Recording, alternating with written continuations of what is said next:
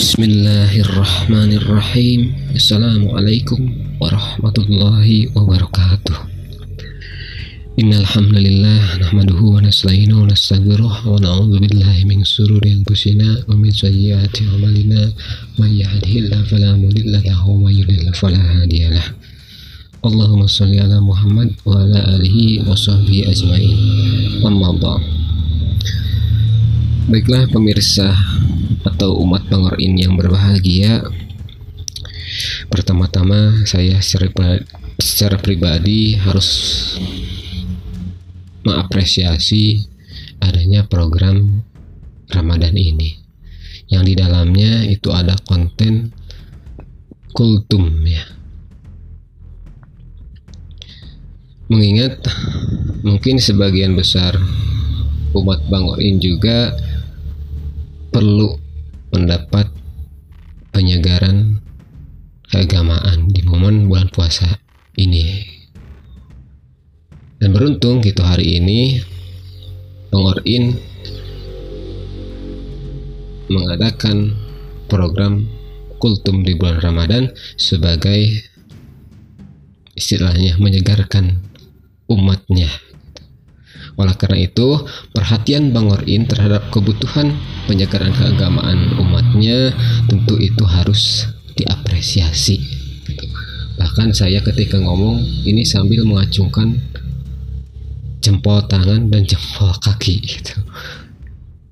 Dua-duanya gitu untuk mengapresiasi uh, program Ramadan dari Bangor ini ini. Nah, umat Bangorin yang berbahagia, alhamdulillah saya di sini disuruh mengisi salah satu uh, tema tema yaitu tentang zakat.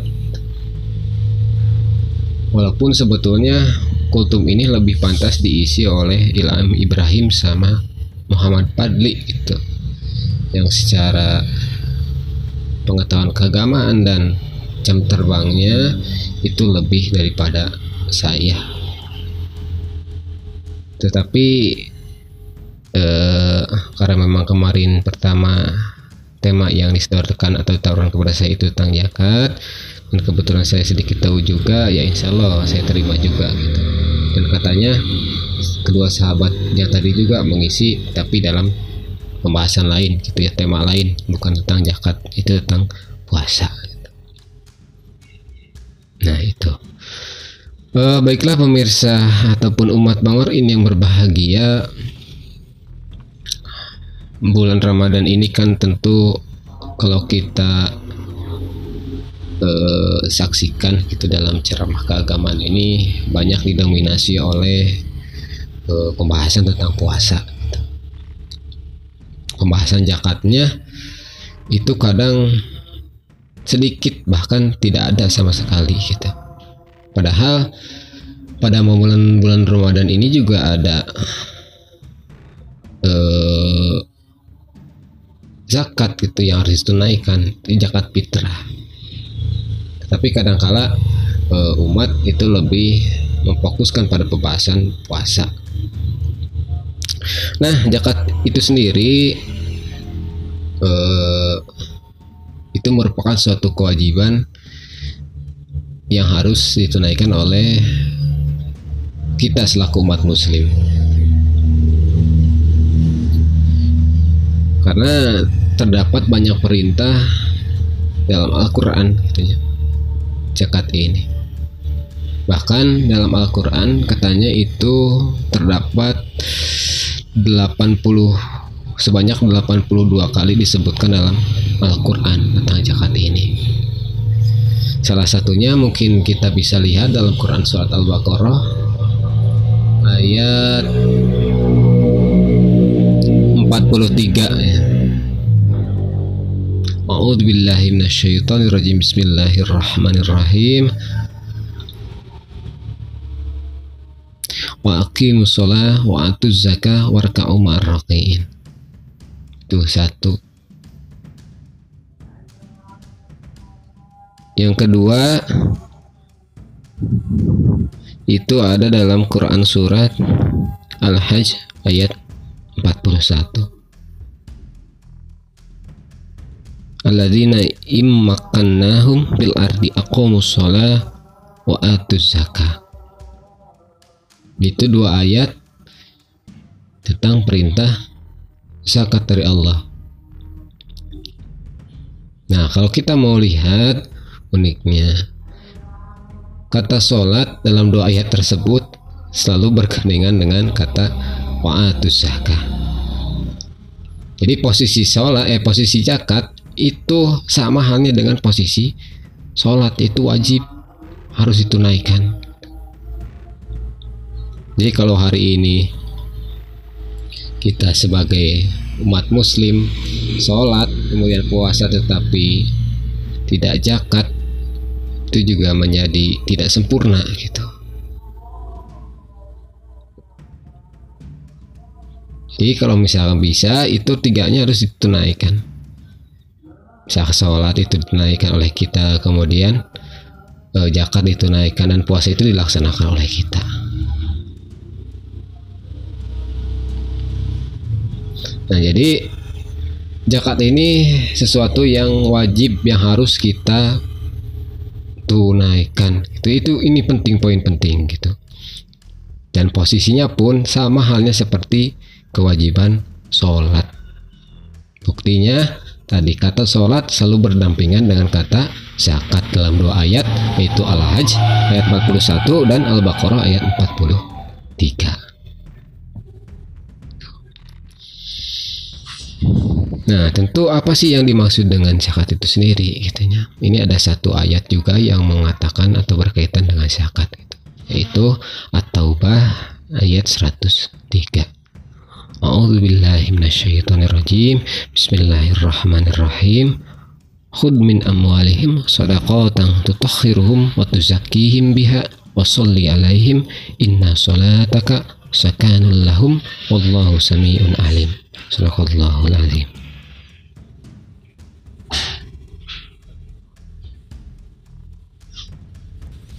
Nah, kalau kita mau coba perhatikan kalimat pertama itu khud. Jadi uh, perintah ya untuk perintah.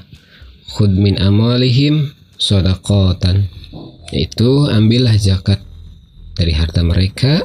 Tutokhiruhum wa ya. Itu untuk membersihkan wa dan mensucikan ya kepadanya. Wasolli alaihim dan berdoalah untuk mereka kemudian inna solataka sakanul lahum Sesungguhnya inna sholataka doamu itu menumbuhkan sakanullahum ketentraman jiwa bagi mereka. Wallahu sami'un alim. Di Allah maha mengetahui dan mendengar ya. Mana maha mendengar dan mengetahui. Nah itu ada kata tutokhiruhum matusakihim. Jadi zakat itu diartikan dalam ayat ini yaitu nanti zakat mensucikan suci kemudian juga bisa tutokhiruhum itu membersihkan. Jadi zakat bisa bersih kemudian bisa suci itu dalam konteks ayat ini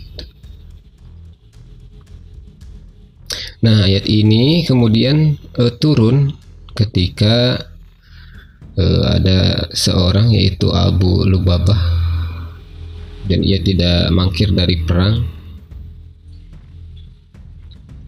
Dia mempunyai e, banyak harta gitu ya. Nah kemudian datang ke Rasulullah. Ya Rasulullah inilah harta benda kami yang merintangi kami untuk berperang gitu. Di, jadi penghalang harta itu mereka untuk berperang. Kemudian mereka itu menyuruh Rasulullah untuk mengambil hartanya dan membagikannya. Dan meminta meminta didoakan mereka itu. Lubabah dan golongan dan kawannya itu. Ya setelah itu apa respon Rasulullah? Respon Rasulullah dia tidak langsung menerima harta mereka karena belum ada ketentuan dari Allah mengenai harus diambilnya harta mereka itu nah kemudian turunlah ayat ini sebagai perintah untuk mengambil harta mereka si Abu Lubabah dan golongannya dan kawan-kawannya. Nah, itulah asbabun nuzul turunnya ayat Al-Qur'an ini. Tidak satu peristiwa mengenai Abu Lubabah yang makir perang karena eh, harta hartanya gitunya menjadi kendala ia tidak ikut perang. Pada akhirnya ia memberikannya kepada Rasulullah untuk diserahkan dan dibagikan. Dan Rasulullah menerimanya karena ada perintah itu dari turun Quran surat atau ubah ayat 103 ini nah kemudian awalnya sebetulnya perintah ini kepada Nabi Muhammad gitu ya mengambil zakat dari mereka tapi kemudian kita nanti juga disuruh untuk mengambil zakat dari agnia gitu para orang yang mampu kemudian nisob kalau nanti zakat mah gitu. jadi pemimpin kita juga hari ini bisa mengambil zakat itu pemimpin-pemimpin kita hari ini beruntung hari ini dalam konteks Indonesia kita juga sudah punya undang-undang terkait dengan pengelolaan zakat itu nomor 23 tahun 2011 itu ya tentang pengelolaan zakat.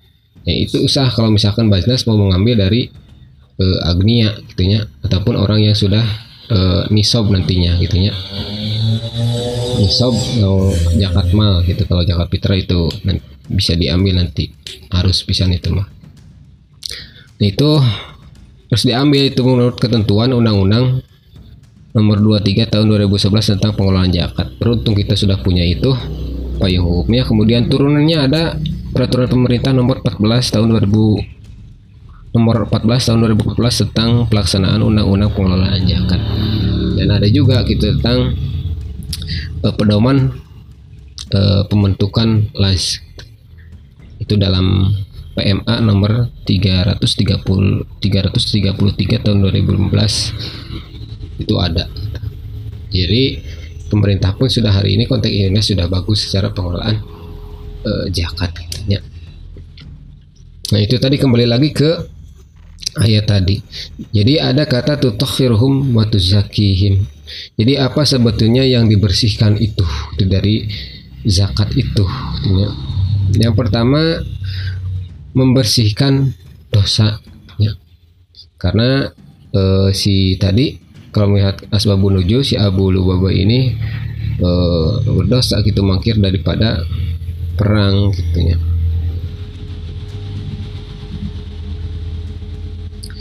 Jadi mereka zakat itu itu bisa membersihkan dari dosa mereka si Abu Lubaba. Dan kita pun hari ini yang berzakat itu bisa bersih gitu membersihkan dosa itu nah itu teman-teman ataupun umat pangerin jadi zakat itu sebetulnya bisa membersihkan dosa kita gitu ya. yang kedua membersihkan di sana juga itu bersih dalam artian terbebas dari harta milik orang lain gitu ya. Ikan sebagian harta kita itu pasti ada milik orang lain. Dan ketika kita makan harta orang itu itu termasuk haram gitunya dan dosa ketika kita makan.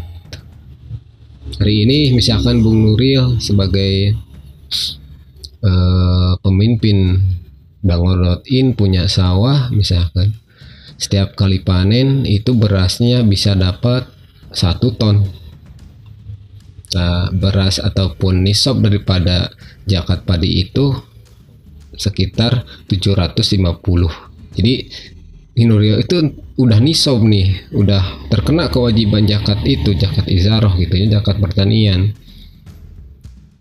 Itu kalau ditunaikan kalau tidak ditunaikan itu bisa ada harta orang lain gitu ya yang dimakan yang haram gitu ketika dimakan olehnya dan menjadi dosa nah untuk membersihkan hal itu itu ditunaikan melalui zakat. Jadi pembersihan di sana juga bisa berarti pembersihan dari harta milik orang lain supaya kita tidak memakan harta orang orang lain yang sifatnya haram ketika dimakan itu menjadi dosa. Nah, itu berkaitan dengan waktu apa tutokhiruhum tentunya zakat itu bisa berarti membersihkan bersih gitu. Kemudian waktu zakihim jadi suci.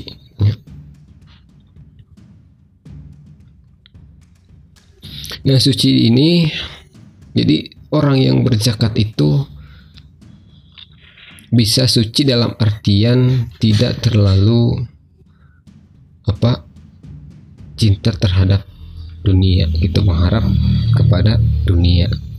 Terbukti tadi kecintaan Abu Lubabah pada hartanya membuatkan ia mangkir dari perang tersebut gitu karena takut kehilangan harta itu gitu. Oleh karena itu suci di sana yaitu mensucikan diri kita dari hubud dunia gitunya cinta terhadap harta kemudian cinta terhadap dunia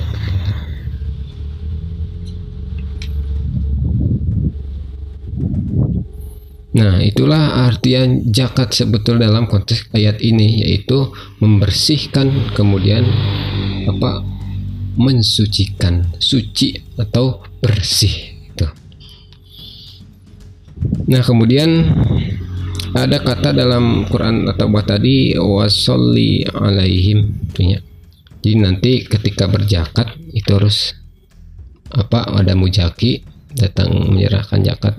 Doakanlah kita harus didoakan diminta doa yang kalimatnya azarakallahu fima ataita wa barakalaka fima abqait. Sebagaimana Rasulullah mendoakan si Abu Luwabah ini gitu ya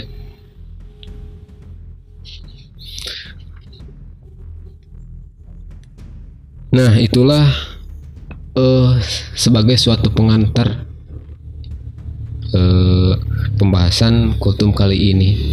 Yang sebelumnya nanti akan saya rencanakan, insya Allah pembahasan ini akan berlanjut mengenai tema yang sama gitu karena pembahasan zakat ini uh, sangat kompleks dan panjang gitu. Jadi akhirnya bahwa zakat itu adalah sesuatu kewajiban yang harus ditunaikan sebagaimana perintah dalam Al-Quran yang memuat 82 kali sebutan tentang zakat dalam Al-Quran.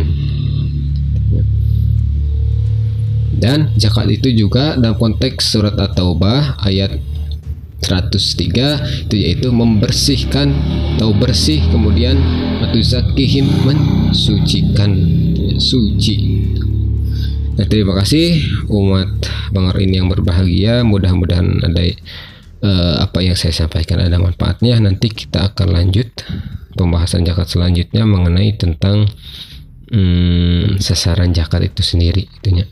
Setelah kita kumpulkan zakat, pentingnya zakat dari para mujaki, di ke mana arah zakat itu harus dikasihkan. Nanti di akhir ujung pembahasan selanjutnya akan ada uh, mengaitkan antara hubungan zakat dengan kemiskinan. Terima kasih, mudah-mudahan ada manfaatnya dari saya. Uh, Nasrul minallah wa fathun qarib mu'minin. Wassalamualaikum warahmatullahi wabarakatuh.